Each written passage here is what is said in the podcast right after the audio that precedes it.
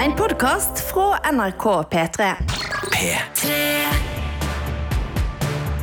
Dette er Filmpolitiets podkast. Velkommen til Filmpolitiet med Sigurd Vik, Birger Vestmo og Ingvild Dybfest Dahl. Halloween står for døra, og enhver film- og serieanmelder med respekt for tradisjoner vet hva det betyr. Tips til skrekk og gru! Det stemmer. Og det er tips dere skal få i denne episoden, med en liten vri. Det er de litt mer ukjente og oversette skrekkopplevelsene som skal hylles og trekkes fram i dag. For de opplagte kandidatene, dem kan vi jo alle. Eh, gi oss noen skrekkfilmer, Birger. Jeg kan ikke gi deg noen, Sigurd. Jeg kan gi deg mange, fordi fra gammelt av så har vi klassikere som Nosferatu, Dracula, Psycho, The Birds, Night of the Living Dead. Vi husker Eksorsisten og Motorsagmassakren fra tidlig 1970-tall. Carrie, The Omen og Halloween fra sent 1970-tall. På 80-tallet kom for da fredag den 13., The Shining, Ondskapens hotell, uh, An American Werewolf in London, The Evil Dead, The Thing, Poltergeist, Nightmare on Elm Street, Hellraiser og Candyman. Og nå tror du kanskje at jeg er ferdig, men nei, det er jeg ikke. fordi i nyere tid så må vi nevne da da Skrik-filmene, The Ring, The Grudge, The Conjuring, The Descent, It og It Follows, Get Out, Hereditary, The Babadook, Sinister, A Quiet Place, The Witch, Evil Dead Rise, Talk to Me og Midtsommer, og der setter jeg strek.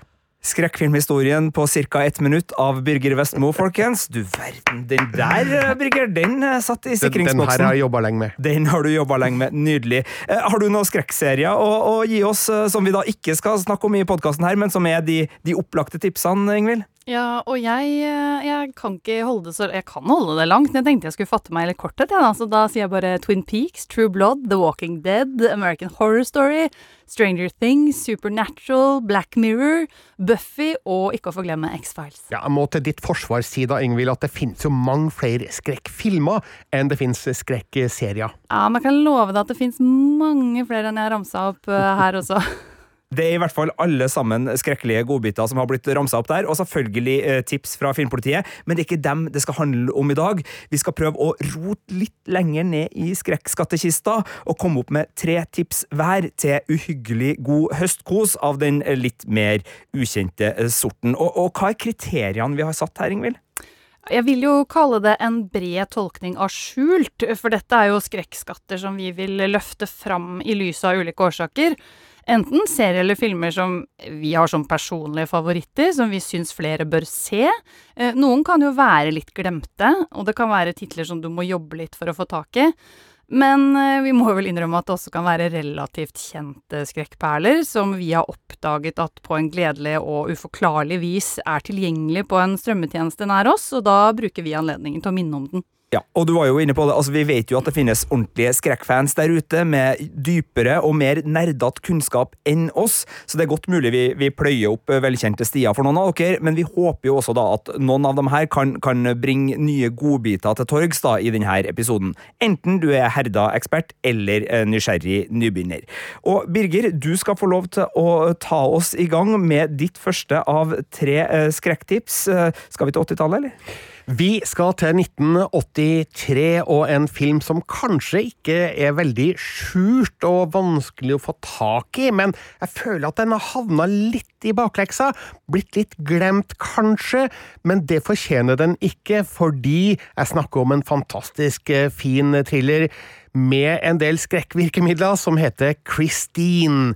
Regissert av John Carpenter, kjent for mange for eh, Halloween og The Thing, blant annet. Eh, Christine er basert på en eh, roman av sjølveste Stephen King, og handler da om en bil, en Plymouth, som kommer i eie til den litt nerdete tenåringen Arnie Cunningham, spilt av Keith Gordon.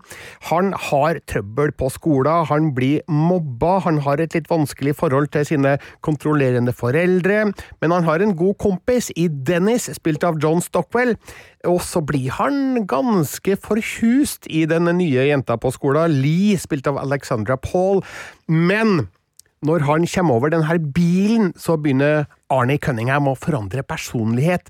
Han går fra å være denne eh, usikre nerden til å bli en ganske cocky og eh, ja, litt sånn farlig fyr som eh, har en litt eh, uheldig lidens, lidenskap da, for sin kjære bil. Eh, og eh, vi skal vel kanskje innom et lite hevnmotiv her mot de mobberne som Arne Cunningham blir utsatt for på, på skolen. Ikke minst da en som heter Buddy. Eh, som blir spilt av en eh, skuespiller som heter William Ostrander, som jeg ikke har hørt om i noen andre filmer, men som er en av eh, 80-tallets store bad guy-skikkelser, føler jeg da. Eh, Harry Dean Stanton dukker også opp som politietterforsker, for det, det, det er en del dødsfall eh, i denne filmen som virker litt uforklarlige. Eh, denne bilen, eh, som da har kallenavnet Christine, eh, ser ut til å ha en egen fri vilje som eh, kanskje eh, går ut over de som eh, truer bilens eier. Jeg husker også en eh, god uh, Futurama-episode hvor Christine parodieres uh, meget godt da med en robotbil. Uh, det, det, det er jo en, en film som har et visst popkulturelt avtrykk, nettopp fordi at det, det, er en ganske sånn unik eh, greie John Carpenter setter opp i, i, i skrekkmytologien der. Absolutt. Nå skal det sies at Christine kanskje ikke er den mest skremmende skrekkfilmen du har sett, og den er heller ikke spesielt gory, men det er en godt fortalt historie. Den har en stilig stemning og en guffen atmosfære som vedvarer, og eh, Keith Gordon han gjør en kjempefin rolle da som Arnie. Han har uh, en, en del dialog, i hvert fall i filmens siste fase som avleveres på grensa til camp, men akkurat innafor. Og så er jo denne bilen et fantastisk skue, da. En Plymouth Fury fra 1958. Sånn, et sånt flak, du vet, med svære halefinner. Den er knall rød, den ser litt sinister ut, og eh, den har en bilradio som på mystisk vis bare spiller gammel 1950-tallsrock. Eh, handlinga er satt til 1978, så det er jo litt rart da, at, at eh, bilradioen bare tar inn gammel musikk. Og den, også, den spiller også musikk som passer godt til enhver anledning. Eh, Når disse mobberne eh, på et eller annet tidspunkt eh, prøver å bryte seg inn i bilen, så, så, så, så setter han i gang Little Richard eh, You keep on knocking, but you can't come in. For eksempel, da, som et uh, eksempel på litt eh, musikalsk krydder i denne filmen. Så den er liksom Bumblebee. Den kommuniserer med musikk. Det er kanskje en forløper til Bumblebee. Jeg må jo bare tro at uh, Transformers som kom etter Christine, kanskje er litt inspirert da, av måten musikken ble brukt på i, i Christine. Eh, Den er altså da ikke umulig å få tak i. Den fins på både 4K, vanlig Blu-ray og på DVD, og så kan du kjøpe og leie den hos Apple, Google og Blockbuster eh, digitalt. Et solid uh, førsteskudd uh, der på, på skrekkstammen. Ingvild, hvor skal du ta oss uh, på ditt første tips? Vi skal faktisk til en fransk-belgisk krimskrekkserie over to sesonger som jeg har funnet fram, og det har ikke vært en veldig vanskelig gravejobb, for denne ligger på Netflix. Eh, men det kan være litt vanskelig å søke den opp, for den heter altså Velkommen til Villefranche på norsk. Den heter Blackspot på engelsk og Son Blanche på fransk. Eh, serien kom i 2017, varte til 2019. Det handler om mange mystiske drap i en isolert bygd som da heter Villefranche.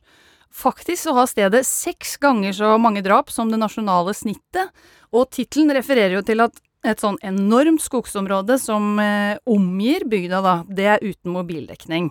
Og for mange av oss kan jo det være ganske skummelt i seg selv, eh, men i tillegg til at vi følger en noe eksentrisk og veldig drikkeglad politisjef som heter Lauren Weiss, spilt av Sulein Brahim, og hun prøver selvfølgelig å oppklare disse mystiske drapene, så leverer serien også flere overnaturlige elementer og, som seg hør og bør, en pysete statsadvokat fra storbyen. Og jeg husker at da denne serien kom, så dykka jeg ned i den. Eh, likte den veldig godt. Den er veldig mørk. Kan minne litt om både den franske Skogen, som også ligger på Netflix, La Forêt, og svenske Jordskott, hvis noen husker den. Jeg elska i hvert fall de der mørke skogselementene og det overnaturlige, blanda med en slags eh, da fransk-belgisk saga norén, kan vi på en måte si. Så hvis dette er noe for deg, kan du ta turen til Netflix. Jeg- nå fikk jeg sånn eh, fransk-nordisk noir blanda med, med skrekk her, og det er jo ingredienser jeg setter veldig pris på. Aldri hørt om serien engang. Det her, eh, det, den her syns i hvert fall skjult for meg, Ingvild. I hvert fall skjult for meg. Ja, det er bra, da har jeg oppnådd noe. Ja, det er godt. Nei, men eh, Kjempefint. Og, og Netflix var altså stedet der. Eh, til mitt første tips så skal vi til en eh, slasherkomedie som eh, kom i 2010, og som kombinerer eh, collegekomedie eh, og eh, Deliverance, altså Piknik med døden, eh, hillbilly-terror. Fordi det er en gjeng college-studenter som skal på uh, skogstur i, i ferien i Tucker and Dale versus Evil, og så møter de da på uh, hillbillyene Tucker and Dale, uh, som de tror er psykopat-hillbilly som har tenkt å, å drepe dem, og det er da Alan Tudyk og, og Tyler Labin som spiller da eh, hovedrollene. Men det er jo ikke riktig, for de her to uh, hillbilliesene de vil jo bare på hyttetur, for de har kjøpt seg en ny hytte. altså Tucker har investert sine siste kroner i sånn fixer-upper-hytte, og de skal dit. Men fordi de er kledd som hillbillyer, så tror disse college-ungdommene at alt de gjør, er uh, sinister, altså at de er ut etter å ta dem, de skal drepe dem, de skal sikkert voldta dem. altså Alle stereotypiene har disse college-ungdommene. og det det fører jo... Ja, det, det er noen referanser til, til Piknik med døden, definitivt. Men det er startskuddet for en utrolig festlig film som da snur opp ned på det hele, og sørger for at eh, folk dør i et voldsomt tempo, men eh, stort sett basert på misforståelser og forviklinger. Så en farse satt til et skogholt i brutal slasherfilm, og her snakker vi eh, sånn Hva heter woodchipper på, på norsk? Altså Vedkløyver? vedkløyver. Eh, Eller vedfreser. Eller, Vedfreser, altså- det heter noe sånt. Uh, I hvert fall, uh, se for dere uh, blod og kroppsdeler i den. Folk som blir speeda av trær, folk som får diverse sånn hillbilly-vrakgods i ulike deler av kroppen. eh, og alt utført med både humør og eh, en sans for spletter, som er fornøyelig. Og så er det jo selvfølgelig eh, sånn at disse studentene de har jo studert psykologi og sosialantropologi og alt, og de prøver jo å bruke sine fagkunnskaper i møte med eh, sine skrekkopplevelser, og det blir også en fornøyelig vis. Så det er flere lag da til, til komedien i Tucker and Dale versus Evil. Men Sigurd, hvorfor har jeg aldri sett denne filmen? Du, den har vært litt vrien å, å få tak i. Den uh, har ikke vært på, på norske strømmetjenester i, i store strekk. Måtte i så fall ha blitt kjøpt på fysisk format. Jeg husker vår kollega, eller tidligere P3-kollega, da, Jørn Kårstad eh, fra programmet Jørn. Han anbefalte den i Filmpolitiet, og det var sånn jeg oppdaga den, men jeg måtte da ty til ganske alternative måter å sende se den på. Nå er den heldigvis å få kjøpt og leid på både iTunes, TV2 Play, altså Google og, og, og flere andre, så da den mulig for deg og de andre som eventuelt kjenner at det brummer litt i, i skrekkomediesansapparatet nå, for det, det er, her tror jeg er en film du kommer til å like, Birger. Ja, her, eh, her skal jeg ha en date med min Apple-TV, føler jeg. Ja, det, det syns jeg du skal. Så, så den anbefales, i hvert fall hvis du syns uh, tullete spletterkomedier er din, uh, ditt ølglass. Uh, og og eh, det må jeg bare spørre dere om før vi går videre nå til neste runde. Altså, eh, disse høstskrekkfilmene og seriene de har jo en viss sånn stemning rundt seg fordi det er opp mot halloween, og det er medieoppmerksomhet, og det er pynting i vinduer, og det er mye som foregår. Men, men måltidene, altså, hva er favorittsnekken deres når dere skal se en skrekkfilm sånn tett opp til halloween? Altså, er det, er det lov å si ostepop? Det er selvfølgelig lov å si ostepop. Ja, ostepop det er fantastisk godt. Jeg elsker ostepop. Og det er et eh, veldig bra eh, snack å ha når du ser en film i en mørk eh, hjemmekino, eller i en mørklagt stue for den del. For det er så, det er så enkelt å få tak i ostepop-bitene og, og få dem inn i munnen der de skal.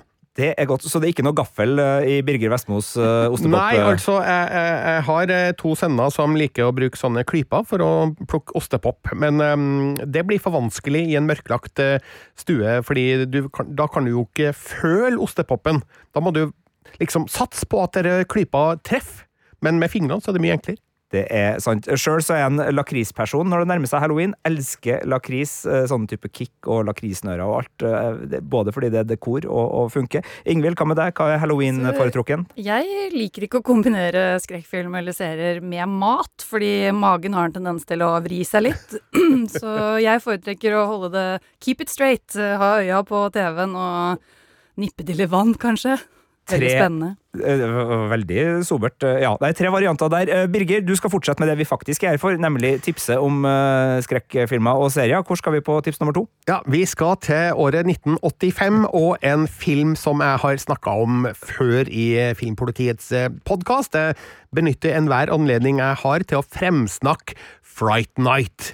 En vampyrkomedie regissert av Tom Holland, og da snakker jeg ikke om han som spiller Spiderman, men om regissøren Tom Holland, som også er kjent for Child's Play, den første Chucky-filmen, også fra 1980-tallet.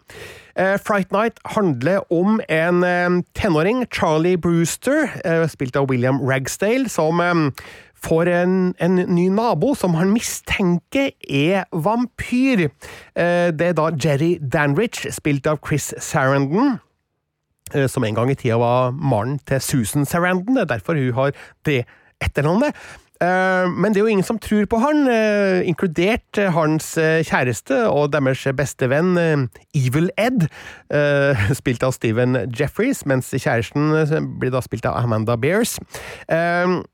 Men etter hvert så blir jo situasjonen såpass alvorlig for Charlie Brewster. Han trues på livet av Jerry Danrich, eh, som er en vampyr, men den eneste som Charlie tror kanskje kan hjelpe han, er Peter Vincent, spilt av Roddy McDowell, som jobber som vert for et eh, kabel-TV-program om gamle skrekkfilmer. Og han har også spilt i gamle skrekkfilmer som vampyrjeger. Men saken er jo at eh, han spiller jo bare en figur, selvfølgelig, og har jo ikke noe reell erfaring med eh, vampyrdreping. Men um, han er i veldig beit for penger, og når han blir tilbudt penger for å hjelpe Charlie, så um, trår han til verks, uh, uten å helt tro på at Jerry Danwich virkelig er en vampyr, men der skal han jo selvfølgelig få seg en overraskelse, da. Og det som gjør Fright Night så innmari bra, er at det er jo en hyllest til de her gamle B-filmene fra 1950-tallet og 60-tallet spesielt, da, med vampyrer i fri utfoldelse med dårlige spesialeffekter eh, og litt ufrivillig komisk eh, skrekkspenning. Men den, den gjør ikke narr av filmene heller. Det, det er en hyllest til dem, en, en varm hyllest til den sjangeren som eh, regissør Tom Holland vokste opp med da på 50-tallet. Eh, og den har massevis av gode effekter, praktiske effekter fra 1980-tallet. Det er altså før det fantes dataanimasjon, eh, eh, CGI-effekter, og det er noe som jeg liker veldig godt. da. Eh, Klart, du ser jo at det er en del dukker inne i bildet her, men eh, det er veldig godt utført, og jeg blir jo litt nostalgisk da når jeg ser eh, filmer eh, blir laga på den gamle, gode måten, for det er noe eget ved å se praktiske effekter du vet faktisk befinner seg foran kamera, og som ikke er skapt på en datamaskin i ettertid. Eh, dessuten så eh, er filmen full av fargerike figurer som eh, jeg har nevnt, da William Ragsdale kanskje mer en sånn all American eh, tenåringsgutt, grei nok, men, eh, men spesielt da eh, Chris Sarandon, han, han elsker rollen som vampyren, eh, helt åpenbart, og han er veldig han er veldig kjekk, det må jeg sjøl innrømme. Jeg skulle gjerne ha sett ut som Chris Harrington gjorde i 1985. Eh, og så er Roddy McDowell helt bedårende som denne, eh, i hermetegn, vampyrjegeren Peter Vincent. Eh, han er jo en britisk, eller hva, en britisk karakterskuespiller. Kanskje mest kjent for eh, Planet of the Apes eh, fra 1968. Eh, så det her er en film med mange kvaliteter. Eh, jeg har jevnlige gjensyn med den, nå senest eh, to dager før denne podkasten ble innspilt, og det var like gøy å se Fright Night nå som det var den første gangen jeg så den på VHS i 1989. Så jeg kan helhjerta anbefale Fright Night. Jeg vet du, Sigurd, eh, er også veldig glad i remaken fra 2011. Ja, der er det jo Colin Farrell som spiller den eh, kjekke nabovampyren. Eh, En, en god remake, syns jeg, selv om jeg, ja, vi har jo eh, diskutert det her flere ganger, blant annet i en podkast du kan sjekke ut hvis du vil ha mer vampyrfilm, fordi vi har en egen episode om vampyrkomedier fra i vår, som ligger i appen NRK Radio. Men, men jeg, jeg, må vel medgi, når du snakker så varmt om originalen, at, at den er god. Men uh, remaken fra 2011 har vært vanskelig å få tak i. altså Du måtte kjøpe den på fysisk format. Den har ikke vært på strømming i ganske lang tid, den heller i Norge. Men nå er den på Disney pluss. Så derfor, Birger, for jeg vet at du ikke har sett den ennå, så anbefaler jeg deg å, å gi remaken med Colin Farrell en, en sjanse, og sjekk den ut i, i Disney pluss-tjenesten. Nå skal det sies at jeg har remaken på Blu-ray med plastikken på, eh, så det blir blir nok at jeg river av den da før jeg kjører den på strømming. For sånn er jeg. Fysiske medier er best. Men når det gjelder den originale Fright Night, så finnes jo også den på 4K UHD og på Blu-ray og på DVD. Og så kan du kjøpe eller leie den hos Apple og Blockbuster, og så har jeg sett at den, den blir tilgjengelig på SF Anytime 9. november for den som er abonnent der. Det er mange muligheter til å få se Fright Night fra 1985, en av klassikerne fra 80-tallet, men som kanskje er litt mer obskur enn de mest kjente og kjære. Ingvild, skal vi bort fra 80-tallets gamle klassikere nå, eller? Vi skal bort og ned. Jeg har valgt meg The Descent, filmen fra 2005. Den er ikke tilgjengelig på strømming eller leie akkurat nå, men du kan kjøpe den fysisk. Jeg har ikke sjekket alle favorittformatene til Birger. Jeg bare sjekka at eh, du kan kjøpe den. Um, jeg har den, det er derfor jeg har sett den mange, mange, mange ganger. Uh, jeg har valgt å dra den fram fordi det er en av de skrekkfilmene jeg har sett flest ganger. Både fordi det er en personlig favoritt, og fordi det var den jeg øvde meg på å se skrekkfilm med. Uh, The Descent, eller dobbelttittelen The Descent Nedstigningen, som den het på norsk. Det er så veldig fint når de bare slenger på oversettelsen, for oss som ikke klarer uh, den utrolig vanskelige engelske førsteordet. Uh, men det er en liten independent-film. den andre spillefilmen fra Neil Marshall, som lagde Dog Soldiers i 2002, som jeg også likte veldig godt.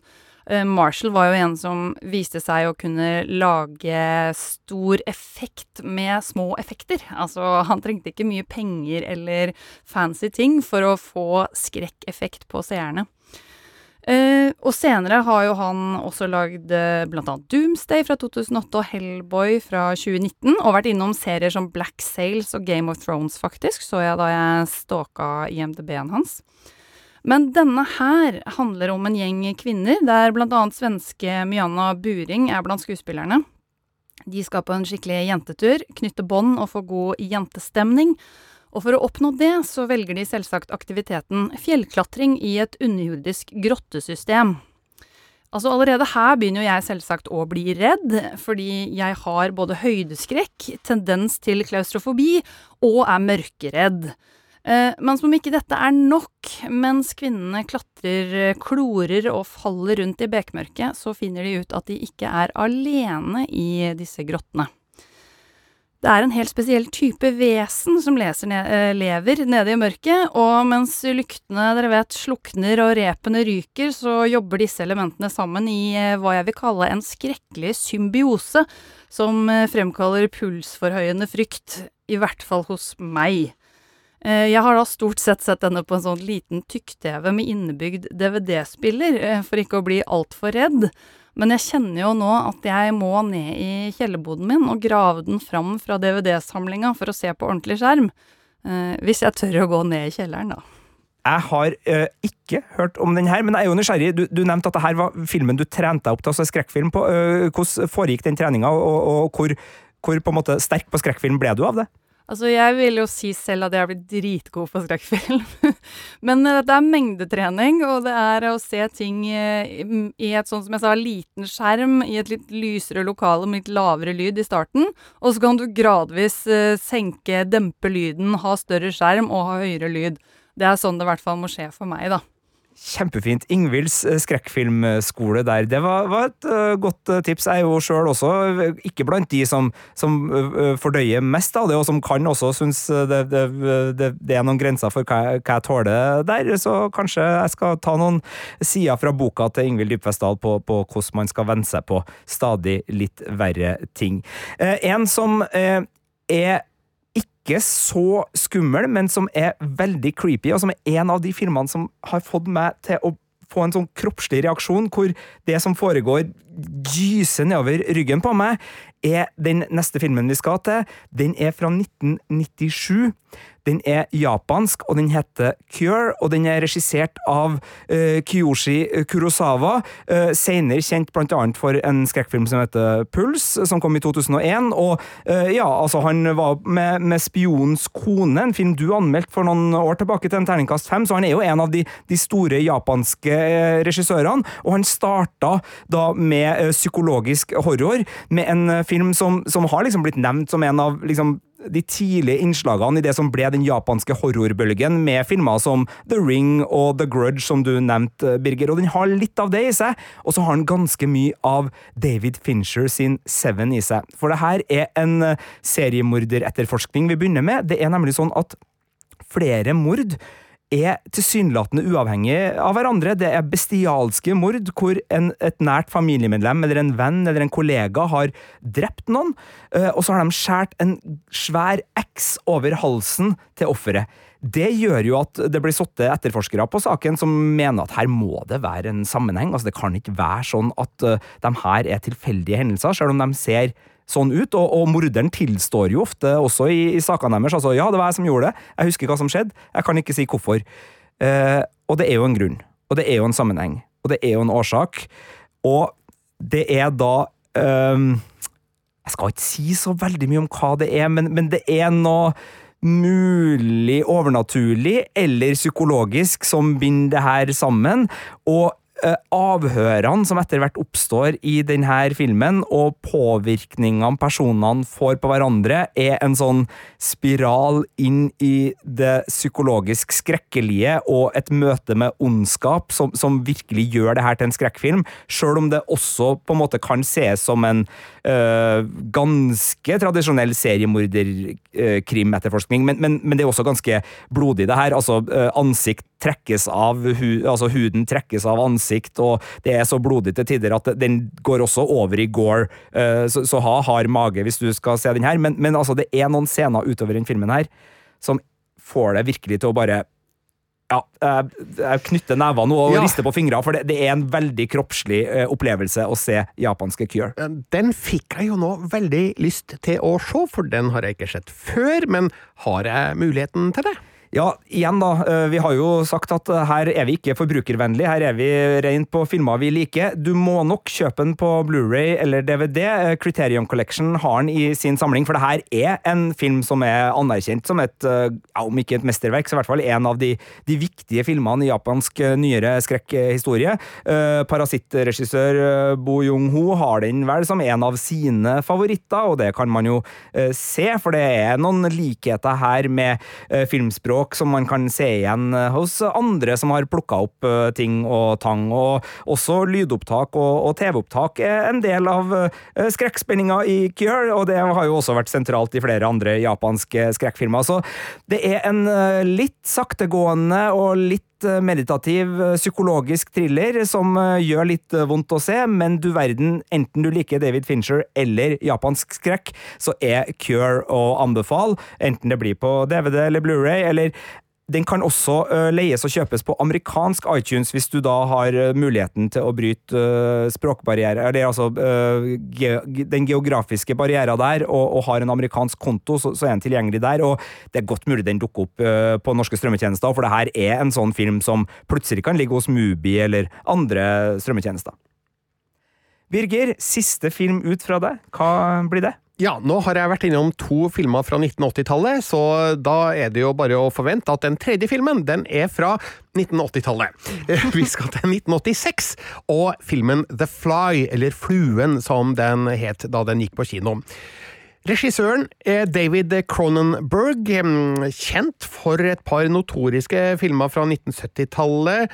eh, Rabid og, og Shivers, og um, Scanners fra 1980 og er også veldig godt kjent. Den, den kunne jeg egentlig også hatt med i denne podkasten, for det er jo en. Hæ? Dead Ringers. Ja, Dead Ringers, også en veldig god film. Men Scanners har jo den scenen med det hodet som eksploderer. Eh, ja, trenger ikke å si mer, mer enn det. Eh, Søk opp scenen på YouTube eh, hvis dere vil, eller helst eh, se Scanners. Men The Fly fra 1986 er jo da kanskje hans mest kommersie film. Den har Jeff Goldblum, du vet han, han morsomme matematikeren fra Jurassic Park i hovedrollen som en eh, forsker som eh, prøver å eh, teleportere seg sjøl fra en eh, telepod, som man kaller det, til en annen. Det vil jo revolusjonere måten vi reiser på, ikke sant? Men under eh, et av disse forsøkene så mm, havner det dessverre en flue inn i den ene telepoden sammen med denne forskeren, slik at eh, hans DNA og fluas DNA blir spleisa sammen når han kommer ut i den andre telepoden. Eh, det her merker en gradvis. Eh, det skjer ting med kroppen hans etter hvert, eh, som ser stadig mer og mer eh, rart ut, helt til det virkelig tar av. Og her òg er det praktiske effekter av en annen verden. Skapt av Chris Wallace, som to år etter laga den respektable oppfølgeren The Fly 2. Men det som gjør filmen så bra, er jo først og fremst Jeff Goldblum i en rolle der han får bruk for den derre maniskheten som vi også fikk se litt av i Jurassic Park. Den andre hovedrollen spilles av Gina Davis, som en reporter som blir interessert i denne forskerens eh, prosjekt. De blir jo da kjærester eh, underveis her, og det ble jo faktisk eh, disse to i det virkelige liv òg, men det er en annen historie. Men det som da etter hvert skjer med forskeren, får jo konsekvenser for forholdet mellom de to figurene, slik at The Fly ikke bare en monsterfilm, men også en kjærlighetshistorie som eh, går til et veldig mørkt sted etter hvert. eh, Som gjør at det, ja, det, det er en historie med et hjerte, det her, som gjør inntrykk. eh, For eh, det blir jo klart på et ganske tidlig stadium at det her kommer jo ikke til å gå spesielt bra. Men eh, hvordan det hele utvikler seg, skal ikke avsløres, men eh, det blir veldig grotesk etter hvert. Det blir eh, eh, det er fantasifull bruk av effekter her, som gjør at eh, da jeg så filmen på norsk kino da den kom, så var den selvfølgelig da klippa sønder og sammen, fordi den norske sensuren var veldig aktiv på den tida, dessverre, og mange en film som ble ødelagt av dem. Eh, Men nå kan du selvfølgelig se den usensurerte versjonen eh, eh, hvor som helst, og det syns jeg man skal, for jeg føler at The Fly er en film som har havna litt i bakleksa. Den begynner jo å få en del år på baken, så det kan jo være en mulig årsak eh, til det. Sjekk også ut den originale filmen The Fly fra 1958, som jo har mer eller mindre den samme historien, men med eh, et helt annet nivå på effektene, da. Eh, Og litt morsomt å se på det i dag. Eh, Men den, den har kvaliteter som gjør at jeg skjønner jo at folk ble skremt av The Fly i 1958, men gud bedre, 1986-versjonen overgår skrekknivået på godt og vel 100 vil jeg si, og den strømmes da på Disney Pluss for den som er abonnent der. Eh, hvis ikke så finnes den på eh, Apple, Google, Rakuten, Blockbuster, Viaplay og SF Anytime. Så all mulighet til å se The Fly, som eh, jeg anbefaler virkelig.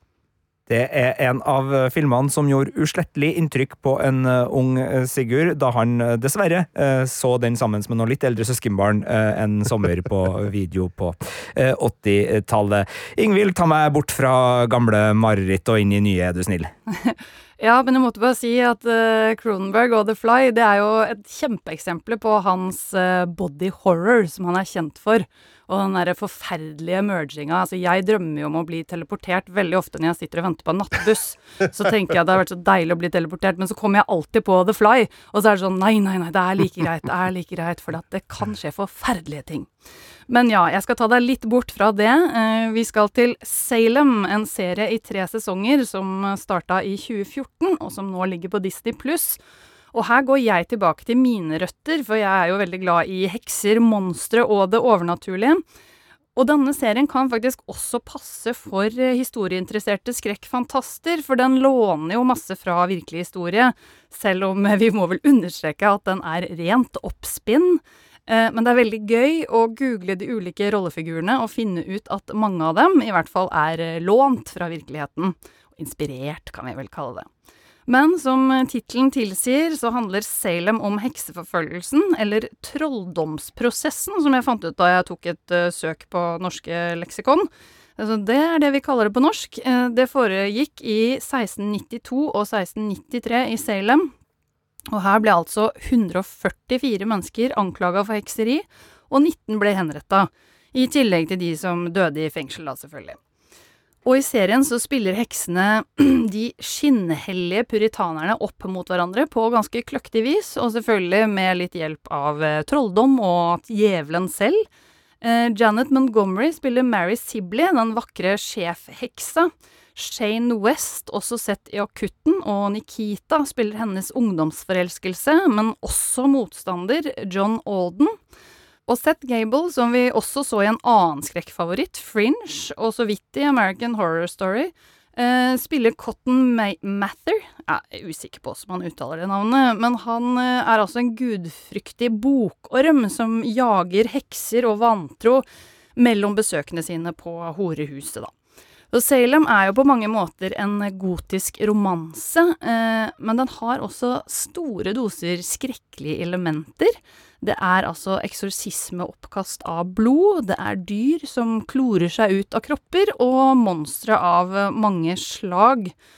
Og så kan jeg også legge til at eh, åpningsvignetten har eh, Marilyn Manson-låten 'Cupid Carries a Gun', så jeg føler liksom at stemningen er veldig komplett der. Du er inne i en, du er inne i en hekseverden.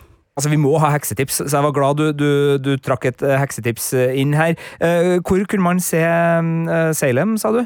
Disney pluss. Det var Disney pluss. Tre sesonger ligger der. Tre sesonger, det er, ja, det er rikelig. Og, og, og det er jo, jeg syns egentlig begge dere har gitt meg en fin overgang til det siste tipset vi skal ha med oss her nå, fordi eh, Tre sesonger er jo ganske mye, og det er jo ganske svært, så det kan jo være fint å ha noe kortere. Og, og Birger, du har jo trukket inn noe, noe bodyhorror og noe, no dyr, eh, og noe, no, no, holdt på å si Ja.